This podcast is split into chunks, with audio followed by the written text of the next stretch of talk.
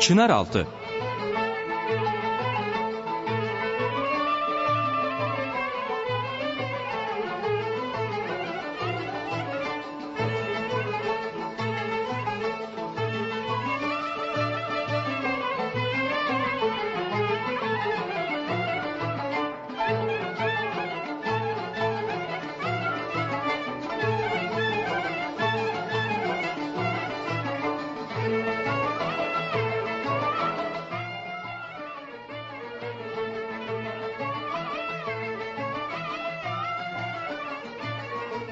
Merhaba değerli dinleyiciler. TGRT FM Radyosu'nun İstanbul stüdyolarından hepinize merhaba. Bir haftalık bir aradan sonra işte yine bir Çınaraltı programında sizlerle beraberiz. Programımıza başlamadan evvel hepinizi sevgi ve saygıyla selamlıyor ve programımızı açıyoruz.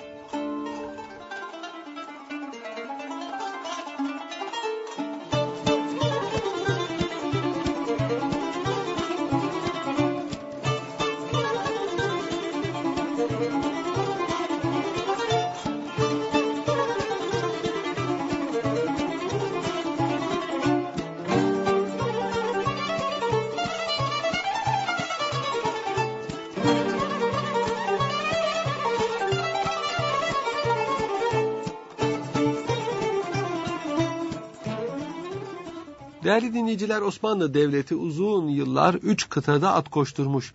Çok uzak mesafelere kadar gitmiş. Memleketler bugün üzerinde irili ufaklı devletlerin kurulduğu büyük arazi parçaları fethetmişti. Ta İstanbul'dan kalkıp orduyla buraları fethetmek kolay bir şey değil. Elbette ki Osmanlı Ordu Teşkilatı sadece İstanbul'dan giden ordudan ibaret de değildi. Eyalet askerleri denilen her eyalette bir ordu var idi. Ve o eyalete yakın bir harp olduğu zaman en yakın eyaletteki ordu toplanıp hemen koordine edilir ve oraya ulaştırılırdı. İstanbul'dan padişah veya Serdar Ekrem mahiyetindeki birliklerle sefere çıkardı. Yani en uzak yürüyüşü bunlar yapardı ama onun dışında e, Osmanlı ordusu savaş neredeyse oraya yakın olan birliklerden teşekkül ederdi. Söz gelişi Harp Rumeli'de ise Anadolu askerlerinden fazla oraya giden olmazdı. Rumeli'deki askerlerle iş görülmeye çalışılırdı. Eğer kifayet etmezse Anadolu'dan da askerler giderdi.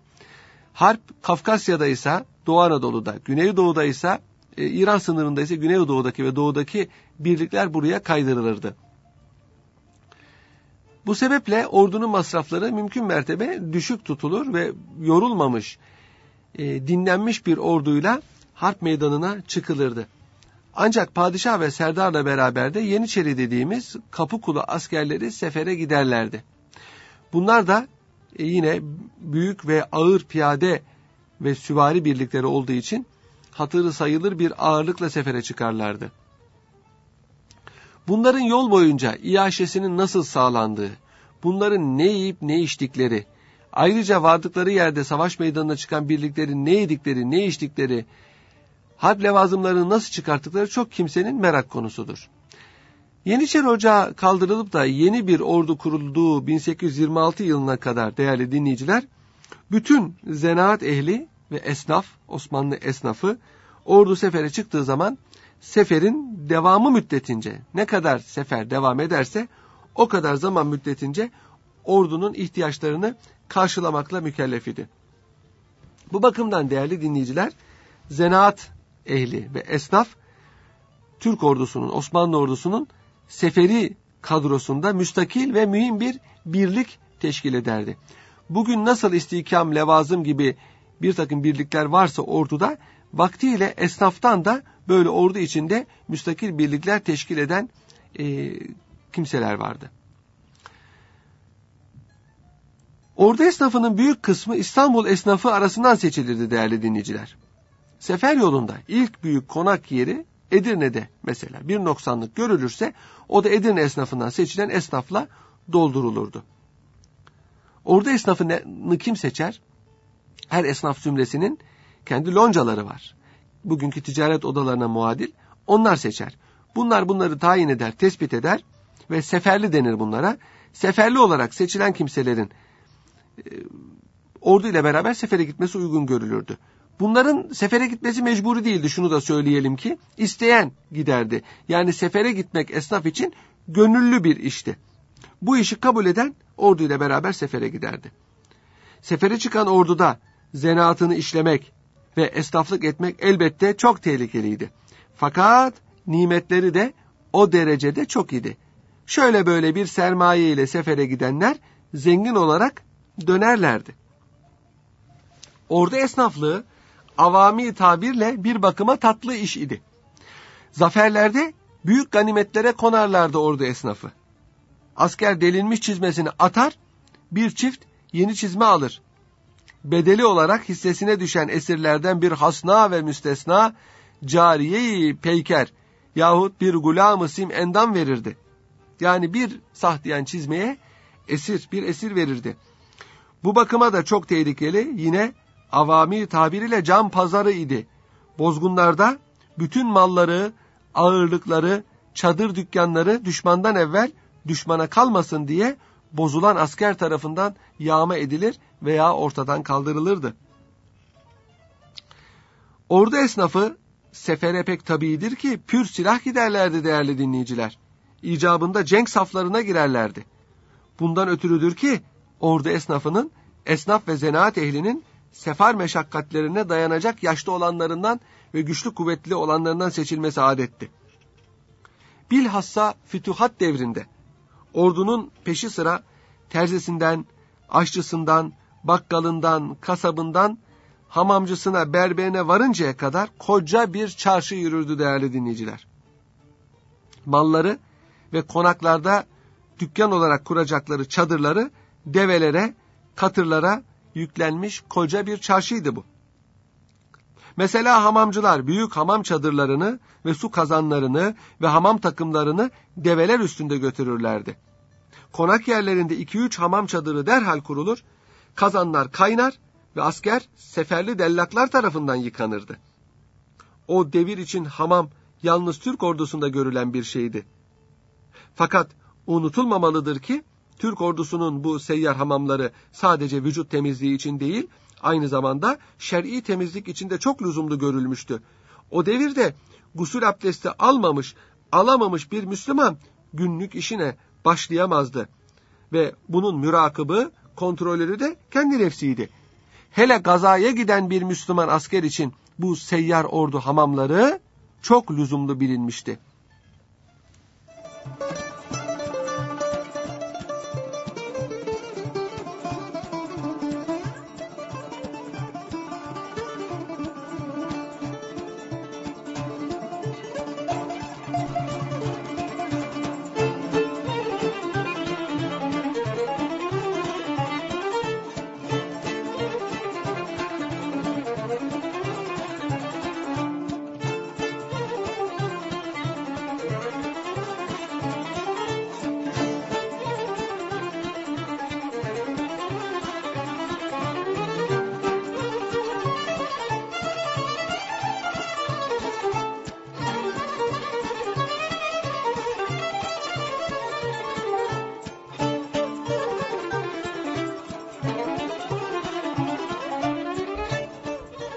Değerli dinleyiciler, şimdiki istihkam ve levazım e, ordunun kendi birliklerindendir.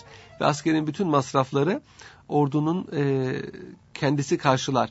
Fakat Osmanlılar zamanında bu has hasa deniyor buna, bu özelleştirme o kadar her şeye sirayet etmişti ki e, ordunun bu gibi ihtiyaçları da yine özelleştirme yoluyla hususi sektör tarafından karşılanıyordu. Yani değerli dinleyiciler, ordunun ayrıca bir hamamcı, aşçı, şu bu askerleri yoktu. Esnaf uygun görülenler orduya alınarak seferlerde orduya hizmet ederlerdi. Bu da bugün emsaline az rastlanan bir profesyonellik. Böylece hem e, ekonomiye katkıda bulunuluyor hem de e, askerler, savaşçı askerler bu gibi işlerle meşgul edilmemiş oluyor. İstanbul Kadılığına hitaben yazılmış bir ferman var elimizde. 1108 tarihli. Yani 1667'ye tarihlenir. 1697'ye tarihleniyor bu.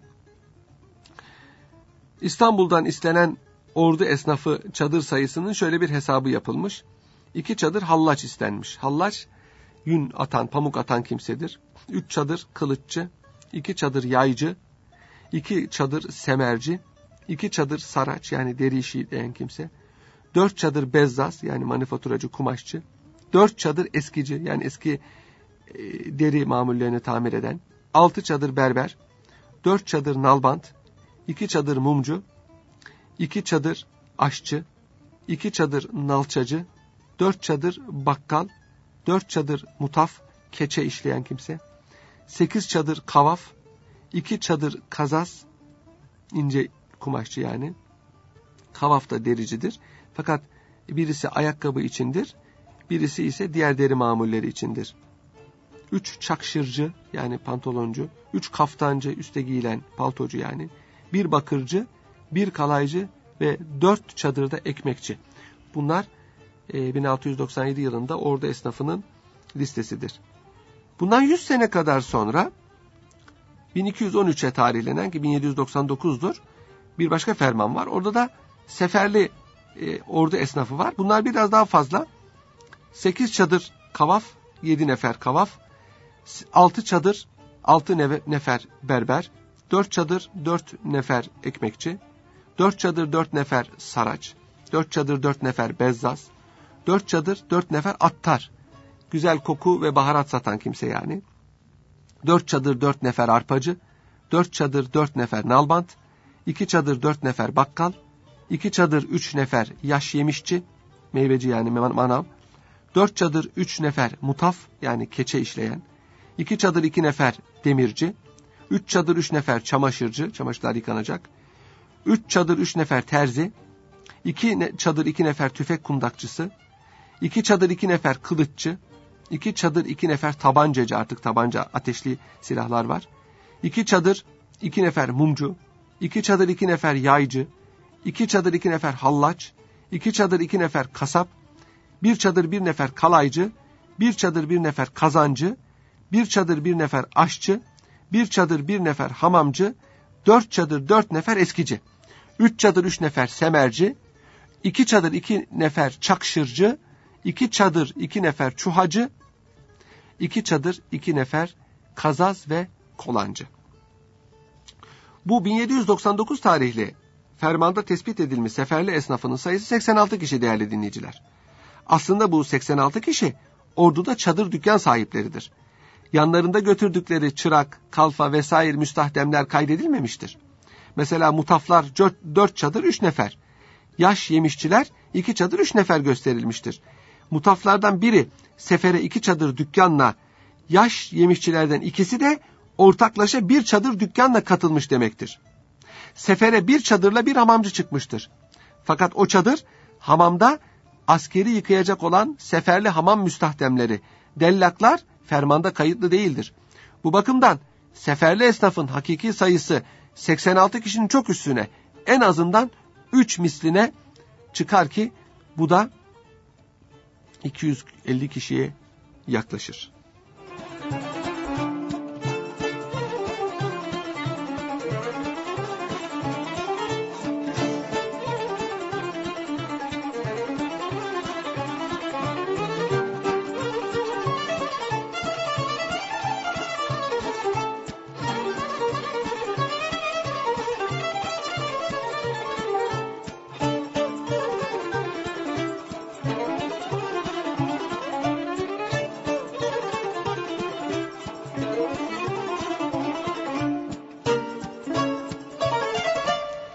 Değerli dinleyiciler, esnafın cebren sefere götürmediğini, gönüllü olarak sefere gittiklerini beyan için İstanbul Kadılığında bir hüccet imzalanırdı. Seferli esnaf, orduculuğu kabul ve elimizden gelen hizmeti ifa etmeyi taahhüt eyledik diye bu hüccete mühürlerini basarlardı. Hüccet değerli dinleyiciler, mahkemelerin iki tane verdiği karar vardı. Bunlardan bir tanesi ilam, diğeri hüccet idi. İlam, bugünkü mahkeme kararlarına muadildir. Bir dava olur. Dava neticesinde mahkeme bir karar verir. Buna ilam denir. Ama eskiden kadılar aynı zamanda noterlik yaparlardı. Bugün nasıl noterler ve mesela vekaletname hazırlıyorlar. O zaman da evlenmeler, boşanmalar, köle azatları, efendim gayrimenkul alımları, satımları ve vekaletname hazırlama, vakıf kurmaları hep mahkemelerde olurdu. Kadılar noterlik hizmeti yaparak hüccet hazırlarlardı. Buna hüccet denirdi. İşte esnaf buna dair taahhütte bulunurlardı. Biz gönüllü olarak gidiyoruz ve gereken hizmeti de yapacağız diye yemin ederiz diye hüccete mühürlerini basarlardı. O zamanlar imza değil, herkesin mührü vardı değerli dinleyiciler. Ordu esnafı İstanbul'dan ayrılırdı. Şehirde kalan diğer bütün esnafın da iştirakiyle bir e, alan gösterilir ve oradan sefere ayrılırlardı. Devşirme kanunu kalktı. Malum eskiden Osmanlı ordusunun Yeniçeri yani Kapıkulu süvarileri kısmı devşirme çocuklardan elde edilirdi. Bu da iki gruptu değerli dinleyiciler. Savaşta esir edilen genç delikanlıların beşte biri devlet hizmetine alınırdı. Bunlardan zeki ve güçlü kuvvetli olanları. Bunlardan hem Yeniçeri hem devlet adamı yetiştirilirdi. Bunlar kifayete bunlara pençik oğlanı denirdi beşte bir olduğu için. Penç beş demektir Farsça. Pençik beşte bir. Bir kısmı da yetişmeyenleri de e, Müslüman ama ekseriyetle gayrimüslim vatandaşların çocuklarından en az iki çocuğu olanın bir tanesi eğer uygunsa şartlara uygunsa 8-10 yaşlarında bunlar devlet hizmetine alınırdı. Bunlara devşirme denirdi. Bunun bir kanunu vardı. Bu kanuna göre devşirilirdi. Bu kanun kalktıktan sonra ve Yeniçeri asker ocağı kadrosu da imparatorluk tebasının ayak takımına mensup gençlerle doldurulup beslenmeye başladıktan sonra bu orduculuk gelenek ve hatıralarına doyulmayacak olan İstanbul esnafının gençleri ve bu gençler arasında da şöyle saçı sakalı yeni bitmiş delikanlılar Yeniçeri taslakçısı oldular. Mesela bir hasta hamal, manav, dellak, fırın uşağı, debba, saraç şahbazı, Yeniçeri çorbacılarının, odabaşılarının, çorbacı tabur kumandanı demektir. Odabaşı takım inzibat zabiti demektir ve Yeniçeri ustalarının yani takım aşçıbaşılarının gel şahbazım seni Yeniçeri yazalım davetini kabul ederek Yeniçeri kışlalarına gittiler. Hangi ortanın yani hangi taburun çorbacısı, odabaşısı, ustası tarafından götürülmüşlerse kollarına, bazularına, baldırlarına o ortanın nişanı denilen alameti farikayı dövme yaptılar. Ellerine de çorbacı, odabaşı, usta tarafından mühürlenmiş ve sözde Yeniçeri olduklarına dair sofa tezkiresi denilen bir vesika aldılar. İsimleri ağa kapısında bulunan ana kütük defterine kaydedilmediği için kendilerine Yeniçeri taslakçısı denildi bunlara. İşte Ocak disiplininin bozulduğu ve Yeniçerilerin bir eşkıya olduğu Yeniçeriliğin son devrinde bu Yeniçeri taslakçıları eski asla, esnaf teşkilatının disiplinini, ahlakını ve adabını bozdular. Kolları, bazuları, baldırları, sineleri dövmeli gençlere efendim bunların e, esnaf loncalarının erkanı artık söz geçiremez oldu. Bunlar Yeniçeri Ocağı'na girdiler ya artık lonca büyüklerini dinlemediler. İtlik nümayişleri yaptılar bu önlenemedi. Hatta bir ara Yeniçeri dövmeleriyle yalın ayak, yarı çıplak pırpırlık etmek İstanbul'da bir genç delikanlı tuvaleti bir yeni e, gençlik modası oldu. Daha önceki programlarda buna bunu anlatmıştık. Cezayir kesimi denir buna. Hatta ocak kütüğüne kayıtlı Yeniçeriler de zamanla esnaflık yapmaya başladılar değerli dinleyiciler. Kışlalarda yatıp kalkan Yeniçeri azaldı. Çoğu dükkan şirvanlarında, bekar odalarında, hanlarda, hamamlarda yatar kalkar oldular. İşte hem Osmanlı Esnaf Teşkilatı'nın hem de Yeniçeri Ocağı'nın bozulması aynı devre rastlar. Yeniçeri Ocağı'nın tefessühü esnaf teşkilatının bozulmasına, o da Osmanlı ekonomisinin, mali hayatının ve şehir hayatının bozulmasına sebebiyet verdi. İşte Sultan II. Mahmud'un 1826 yılında Vakayı Hayriye denilen hadiseyle e, kaldırdığı Yeniçeri Ocağı böyle bir Yeniçeri Ocağı'ydı. Ve Sultan II. Mahmud'un kılıcıyla kırılan Yeniçerilerin çoğu işte bu Yeniçeri taslakçılarıydı ki bir nevi kabadayı, bir nevi mafya müsveddeleri idi.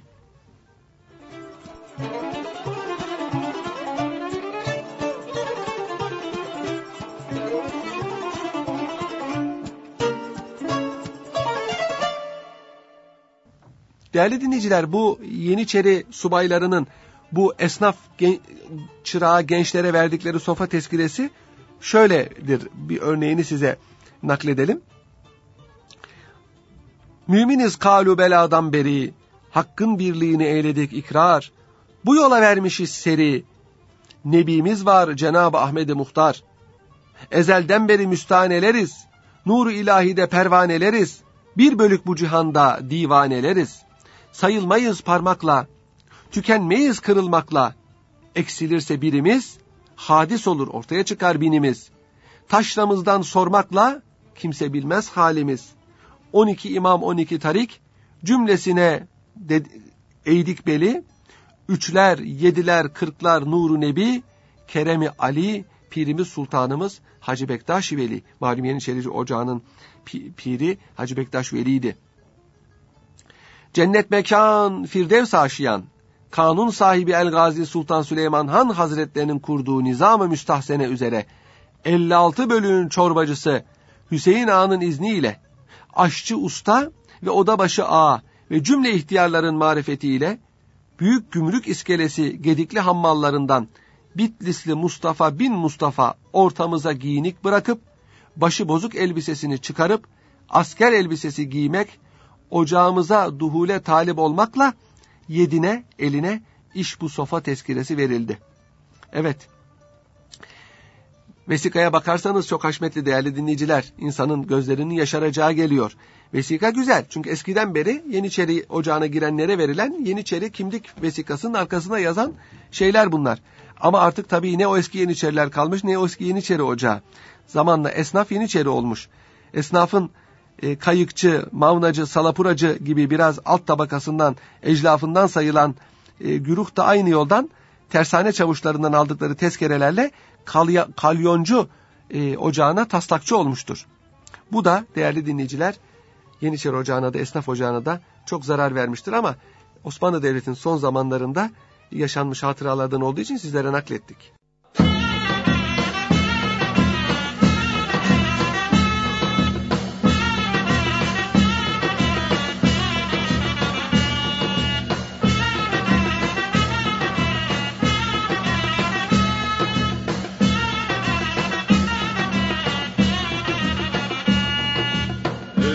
Üsküdar'la giderken aldı da bir yağmur.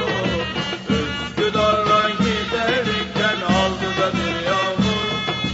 Hatibimin setresi vurdu ne değil çamur Hatibimin setresi vurdu ne değil çamur Hatip uykudan uyanmış gözleri mahmur uyanmış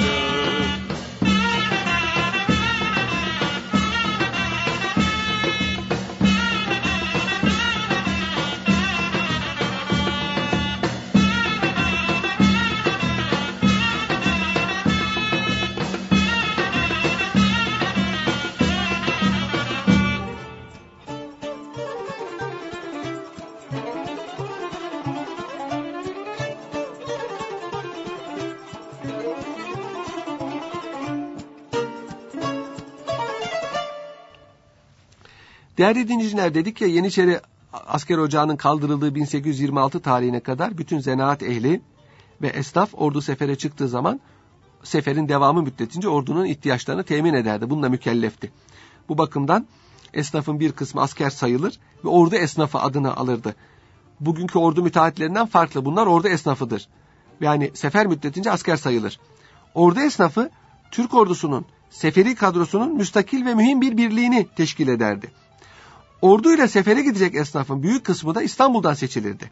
sefer yolunda umumiyetle seferler Rumeli'ye olduğu için bu kısmı tercih ediyoruz. İlk büyük konak yeri Edirne. Burada bir noksan görülürse Edirne'den seçilen esnafla bu tamamlanıyor. Türk ordusunun ağır piyade ve süvarilerini teşkil eden ve başta Yeniçeriler bulunan Kapıkulu askerleri İstanbul'u terk edeceği gün bunlar padişahı korumakla mükelleftiler değerli dinleyiciler ve aynı zamanda da polis teşkilatıydılar. Esas harplerde harbe katılan ordunun bel kemiğini, e, çoğunluğunu eyalet askerleri teşkil ederdi. Ama biz Kapıkulu askerlerinden bahsediyoruz. Ordu esnafı da onlarla beraber giderdi. Çünkü sefere giden onlardı. Uzağa, uzağa gidenler onlardı. Diğer askerler yakın yerlerden gelirlerdi. Ama bunun benzer esnaf alayları onların içinde de olurdu. Çünkü İstanbul'dan gelen ordunun küçük bir modeli eyaletlerden gelen ordularda da aynen tatbik edilirdi. İşte Kapıkulu asker ocakları İstanbul'u terk edecekleri günü seferle esnaf büyük şehirde parlak bir alay gösterirdi. Buna esnaf ordu alayı denirdi değerli dinleyiciler. Fütühat devrinin son büyük e, seferi Viyana seferidir. 1683 yılında eşilmiştir bu sefer. ikinci Viyana seferi. İstanbul'da türlü vesilelerle yapılmış esnaf alaylarının en muhteşemleri olmuştur bu esnaf alayları. Alayın geçtiği yol Sirkeci civarında Demir Kapı'dan başlar değerli dinleyiciler. Saray avlusu duvarı boyunca Dahi Hatun Caddesi, Alemdar Caddesi, Divan Yolu Caddesi, bugünkü Yeniçeriler Caddesi, Bayazıt Meydanı, Ordu Caddesi yani Bayazıt'la Aksaray arasında Laleli, Aksaray Meydanı, Şehremini, Topkapı Caddesi ile Topkapı'sına ulaşır. Kale duvarının dışında Davut, Davutpaşa Sarayı, şimdiki Davutpaşa'nın olduğu yerde Davutpaşa Sarayı vardı. Oranın sahrasında bu alay sona ererdi. Padişah esnaf ordu alayını Soğuk Çeşme'de sarayın şehir içine bakan tek binası olan alay köşkünün bir penceresinden seyrederdi. İstanbul esnafının en coşkun nümayişleri de alay köşkü altından yani padişahın manzuru olan yerden, padişahın huzurundan geçerken olurdu. Davutpaşa sahrası İstanbul'dan sefere çıkan ve ordunun ana çekirdeğini teşkil eden başta Yeniçeriler olmak üzere Kapıkulu asker ocaklarının ilk konak yeriydi değerli dinleyiciler. Burada en çok bir hafta çadırlı ordugahta kalınır. Herhangi bir ciddi sebeple geciken seferliler burada beklenirdi. Ve ordu ve Serdar Davut Paşa'dan padişah ve İstanbul'da kalan devlet erkanı, ulema ve meşayi ve halk tarafından işte buradan Davut Paşa'dan uğurlanırdı. Eğer padişah seferi çıkıyorsa zaten gider. Yok padişah İstanbul'da kalıyorsa orduyu Davut Paşa'dan yolcu ederdi. Değerli dinleyiciler, esnaf ordu alayının bu yukarıda tespit ettiğimiz yol boyunca geçişi 2-3 gün sürerdi. Ve şehir içinde ve o uzun yol boyunca bütün İstanbul halkı tarafından dualarla, alkışlarla ve gözyaşlarıyla seyredilirdi. Tarih kaynaklarımız arasında en muhteşem esnaf ordu alaylarından birisini Seyahatnamesinin İstanbul'a tahsis ettiği birinci cildinde Evliya Çelebi anlatıyor. Sultan 4. Murat zamanında Hicri 1048, miladi 1638 yılına tesadüf eden, Nisan ayının ilk günlerine tesadüf eden Bağdat Seferi için yapıldığını tasvir ediyor. Alay fevkalade tantanasına rağmen Demirkapı ile Sultanahmet Meydanı arasında kısa bir yol boyunca gösterilmiş. Tahmin edilir ki seferli esnaf oradan ahır kapısı iskelesine inerek takım takım Üsküdar'a geçmişlerdir. Ve sefere bizzat iştirak eden Sultan 4. Murat da 8 Nisan Perşembe günü ananevi bir merasimle İstanbul'dan ayrılarak Üsküdar'a geçmiştir. Bu sefer sefer Anadolu'ya. Evliya Çelebi'nin bu esnaf ordu alayı münasebetiyle İstanbul esnafı hakkında verdiği malumat çok kıymetli. Ve zaman zaman bundan sizlere bahsetmiştik. E, bu esnaf alayına kimlerin katıldığını Evliya Çelebi anlatıyor. Biz de onları isim isim sizlere aktarmak istiyoruz ki çok uzundur. Fakat o zamanki esnafın kimler olduğunu bilmek bakımından belki faydalıdır. Fakat verip vermemek e, arasında da ben e, mütereddit oldum. Çünkü tam 248 kalem esnaf değerli dinleyiciler. Aklınıza hangi esnaf geliyorsa burada bu esnaftan var. Alay çavuşları, çöplük subaşısı, efendi kapılarında çalışan oğlanlar ve uşaklar, acemi olanları, arayıcılar, yani çöplerde kıymetli şeyleri bulanlar, mezarcılar, lağımcılar, salahorlar yani yol ameleleri, asesler yani polis memurları, subaşı ve adamları, cellatlar, Kasımpaşa muktimleri, yani harp gemileri için kafi miktarda kürekçi esir bulunmadığı zaman İstanbul'da işsiz güçsüz bekar uşakları e, tersaneye kürekçi olarak getirilir. Bunlara Kasımpaşa muktimleri denir. Araba seyisleri, mekkareciler, bekçiler, ordu kadısının adamları, sancaktarlar, ulaklar, mukrizler yani lağımcılar, sefere çıkan vezirlerin adamları, seferli hatipler, seferli mollalar, sefer şeyhleri, vaizleri, müfessirleri ve muhaddisleri, seferli müezzinler yani ordu müezzinleri ve hafızlar, seferli katipler, yazıcılar, seferli sahaflar yani kitapçılar, sefere kitapçı da götürülüyor. Şairler, meddahlar, hanendeler, müneccimler, esnaf nakipleri yani kontrolörleri, esnaf reisleri, esnaf şeyhleri, esnaf çavuşları, ölü yıkayıcılar, mektep hocaları, medrese talebeleri, seyitler, hekimbaşı ve hekimler, göz hekimleri, kehaller, sürmeciler, macuncular, cerrahlar, devalı meşrubat satıcıları, gül suyu satıcıları, ilaç ve yağ satıcıları, bimarhaneciler yani hastane hademeleri, çiftçiler, bahçıvanlar, meyve ağacı aşıcıları, sebzeciler, ekmekçiler, tuzcular, çörekçiler, börekçiler, gevrekçiler yani simitçiler, kahiciler, kurabiyeciler, kadayıfçılar, lokmacılar, gözlemeciler, Yeniçeri sakaları, şehir sakaları, değirmenciler, uncular, un elekçileri, buğday çalkalayıcılar, kalburcular, elekçiler, e, nişantacılar, güllaççılar,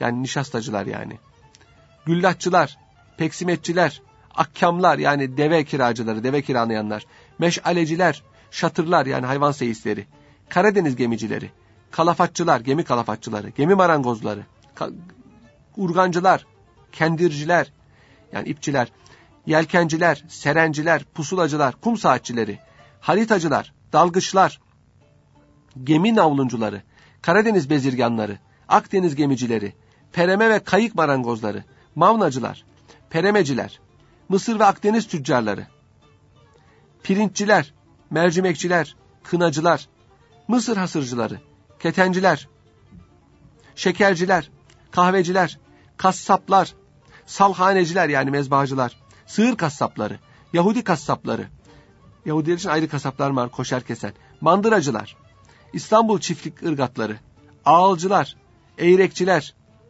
çobanlar, sütçüler, peynirciler, kaymakçılar, yoğurtçular, telemeciler, mumcular, arslanhane hizmetkarları, ayıcılar, başçılar yani aşçılar, celepler, pastırmacılar, kiritçiler, tutkalcılar, esirciler, baruthaneciler, darphaneciler, gümüş arayıcılar, çuha ambarcıları, buğday ve arpacılar, tavuk emini ve adamları, mutfak emini ve adamları, yani mutfağa mühimmat temin edenler, şehir emini ve adamları, çardak emini, çardak kolluğu mensupları yani gümrükçüler, kuyumcular, cevahirciler, saatçiler, mühürdarlar, sırmakeşler, sarı pirinç borucular, divitçiler, tenekeciler, bıçakçılar, dökmeciler, yaycılar, okçular ve sapancılar, kemankeşler, güzcüler, yağlı güreş pehlivanları, avcılar, yelpazeciler, sorgutçular, kuşbazlar, tavukçular, terziler, dolama terzileri, hallaçlar, kadın takkecileri, kavukçular, kelle puşçular, gömlekçiler, tülbentçiler, yağlıkçılar, örücüler, dokumacılar, iplikçiler, kazzazlar yani ipekçiler, ibrişimciler, ipek düğmeciler, çadırcılar, kolancılar, kürkçüler, samurcular, kalpakçılar, debbağlar, sağrıcılar, tirşeciler, keçeciler, saraçlar, tekelticiler, kaltakçılar, yularcılar, palancılar, kamçıcılar, sofracılar, sepet sandıkçıları, papuççular, paşmakçılar, çizmeciler, mesçiler, terlikçiler, eskiciler ve attarlar, amberciler, buhurcular, yağcı attarlar, kibritçiler ve kükürtçüler, şişeciler, çiniciler, benkçiler, yani uyuşturucu morfinciler yani, morfin taşıyanlar, ispençiyarlılar yani şifalı, devalı, ot ve kök bulanlar, eczacılar yani, kahve satıcıları, berberler, ustura çakçıları, ustura kuyrukçuları, sarıkçılar, hamamcılar, natırlar, tellaklar, çamaşırcılar ve lekeciler, nakkaşlar, altın dövücüler, müzehipler, mücellitler, sahaflar ve kağıtçılar, kubur divitçileri, mürekkepçiler, musavvir nakkaşlar,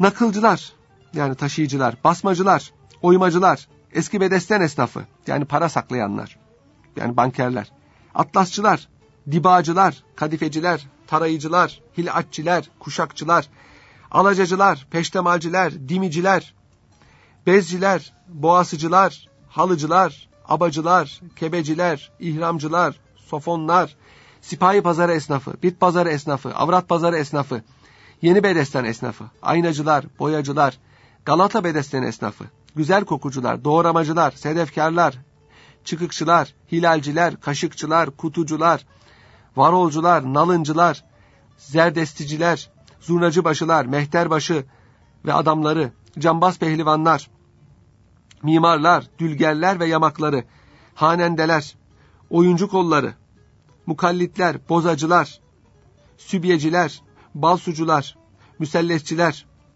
evet, 248 ve bazıları yana, yan tarafıyla 300'e yakın esnaf. Bunların hepsi Evliya Çelebi'nin anlattığı ve Sultan 4. Murat'ın Bağdat Seferi'ne iştirak eden esnaf alayının e, daha doğrusu esnaf alayına iştirak eden esnaflar.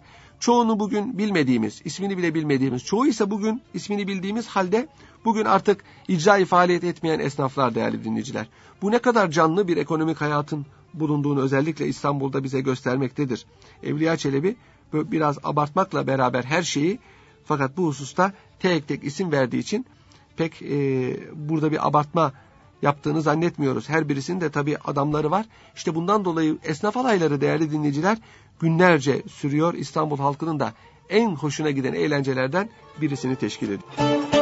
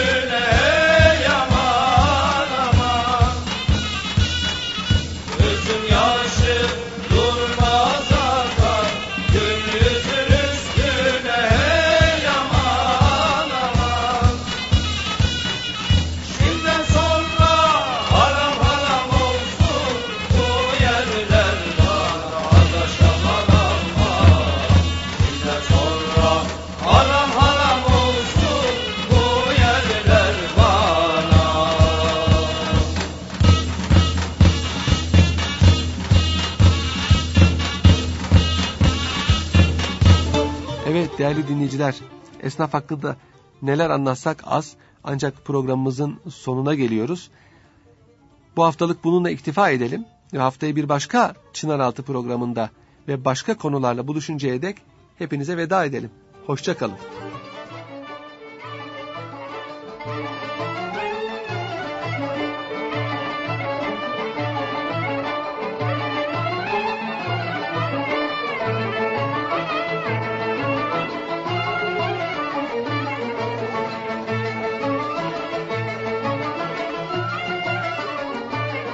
Çınaraltı